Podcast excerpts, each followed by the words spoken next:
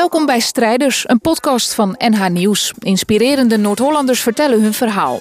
Ze vertellen over hun successen, over hun dromen en ook over de tegenslagen op hun pad. Vandaag het verhaal van Wanda. We zijn in Rue Paré, een buurthuis in Slotervaart in Amsterdam. Er staat een sokkel en daarop staat vandaag een doos met tissues. En er steekt één zakdoekje uit. Wanda loopt naar de plek naast de sokkel en ze vertelt ons haar verhaal. Meer dan 30 jaar ben ik longarts. En ik heb dit meegenomen omdat dit mijn vaste attribuut van de spreekkamer is. Vanmorgen, jonge vrouw, twee kinderen, die ik moest vertellen dat ook de immuuntherapie niet had gewerkt. Longkanker, COPD, het lijden is immens. En als je 30 jaar longarts bent, dan zijn dit ene doosje zijn natuurlijk uiteindelijk duizenden doosjes. Er wordt heel veel getreurd en gehuild. Ik rookte vanaf mijn twaalfde tot mijn 47ste. Knappe doorzetter ben ik geweest. Tot ik op een dag mijn dochter mij betrapte omdat ik het nog stiekem deed. En zij was heel verdrietig, want voor haar stond roken gelijk aan de dood. Mijn nichtje overleed aan longkanker op haar 40ste jaar. Ook zij rookte vanaf haar twaalfde. En toen wist ik toen ik 47 was dat ik niet door kon roken als mijn dochter dit zo erg vond.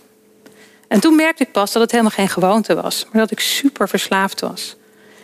En ik begreep helemaal niet wat er met me gebeurde. Ik was ontzettend tegen horecarookstop. Laat me vrij, die betutteling. Maar ineens merkte ik hoe moeilijk het was om te stoppen met roken. Dat het niet een gewoonte was, maar dat het een hele ernstige verslaving was. Toen dacht ik, ja, er moet eigenlijk een goed boek komen. Dus ben een boek gaan schrijven samen met een collega. Nederland stop met roken. Nou ja, wie wil dat boek nou eigenlijk lezen? Dus moest meer komen. Motiverende gespreksvoering, weer een boek geschreven. We hebben de grootste rookstoppolykliniek van Nederland opgericht. Maar uiteindelijk gingen er elke dag weer bijna 100 kinderen roken. En een kind dat één sigaret rookt, twee van de drie, wordt een dagelijkse roker. Er gaan elk jaar 20.000 mensen dood aan roken. Ik werk hier om de hoek in Antonie van Leeuwenhoek, het is een kankerziekenhuis. 30% van alle mensen die er doodgaan, komt door roken. Dus er moest iets gebeuren. Dat stoppen met roken is belangrijk, maar niet genoeg. Dus toen hebben wij een stichting in 2009 opgericht, Rookpreventie Jeugd. Want wij willen niet betuttelen en niet rokers iets afnemen. We willen dat kinderen niet beginnen, omdat ze zo razend verslaafd raken. Het is net zo verslavend als cocaïne en heroïne, met het verschil dat je het op elke straathoek voor een paar euro kan kopen. We hebben een journalistieke website opgericht, Tabak Nee, met onderzoeksjournalistiek om de lobby te onthullen. Toen zijn we rechtszaken begonnen in 2013, geprocedeerd tegen de overheid dat zij zo verschrikkelijk veel contacten hebben met de tabaksindustrie. De democratie die eigenlijk een lobbycratie is. Want wie zijn wij nou eigenlijk? De miljardenlobby kan daar gewoon altijd binnenlopen. En hoe moeilijk is het om daar binnen te komen? Vervolgens zijn we een strafzaak begonnen tegen de tabaksindustrie, tegen de vier grote.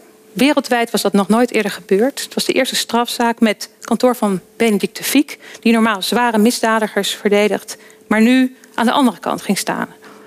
Na twee jaar waren er miljoen mensen die hebben zich aangesloten bij ons. En maar na twee jaar zei het Hof, na een artikel 12-procedure... jullie hebben gelijk, het is heel verslavend, het is heel dodelijk...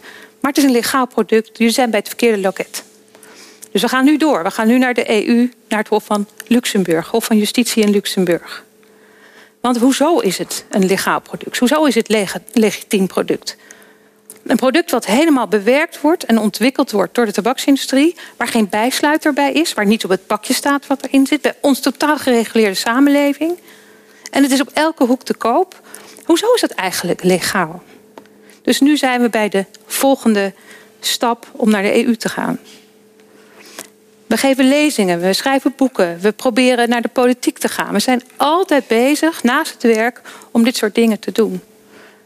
En dan komt er een preventietafel tabak. En dankzij onze rechtszaak mocht de tabaksindustrie niet aan tafel zitten. Dus wij waren de koning. Dus de tabak zou echt grote stappen gaan maken. Verkooppunten weg bij Albert Heijn, weg bij de tankstations. En de prijs structureel omhoog. Elk jaar weer structureel omhoog. Om vijf voor twaalf, ineens, waren de belangrijkste, belangrijkste punten waren eruit. En hoezo?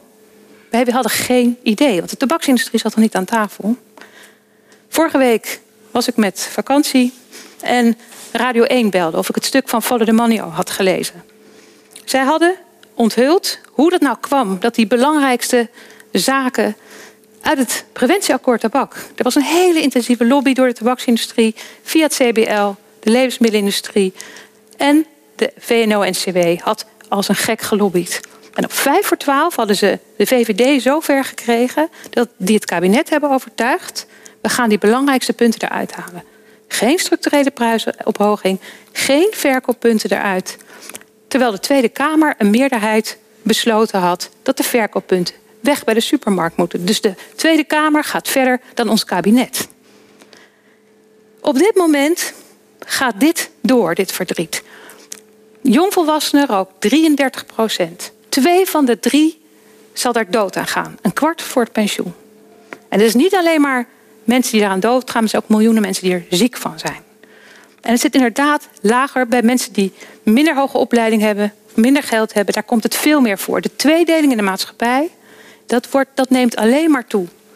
En rook is een soort kanarie van de koolmijnen. Van, als er gerookt wordt, dan weet je dat er veel meer andere dingen zijn. Het is een soort bijeffect. Maar het is grotesk hoeveel mensen hier aan doodgaan. Dus ik wil uiteindelijk nu gewoon proberen dat we met z'n allen gaan zeggen: dit moet ophouden, die enorme lobby van die grote multinationals. We moeten zorgen dat onze kinderen de kans krijgen om in gezondheid op te groeien. En dat moet heel vroeg beginnen. Dus we moeten nu dat preventieakkoord van de tabak openbreken. Want het was niet eerlijk. De tabaksindustrie zat aan tafel. En daar ben ik van mening, want anders gaat het nooit lukken. Dus ik wil jullie allemaal vragen en oproep doen. Zorg dat het preventieakkoord opengebroken wordt. Vraag het KWF, het Longfonds, de Hartstichting om grote stappen te nemen. En vraag de VVD op te houden met de ontmoetingen met de tabaksindustrie en haar vrienden. Dank jullie wel. Dit was het verhaal van Wanda uit de serie Strijders van NH Nieuws. Abonneer op deze podcast zodat je vanzelf de nieuwste afleveringen krijgt. En laat vooral ook een reactie achter. En alles over onze strijders vind je ook terug op nhnieuws.nl/strijders.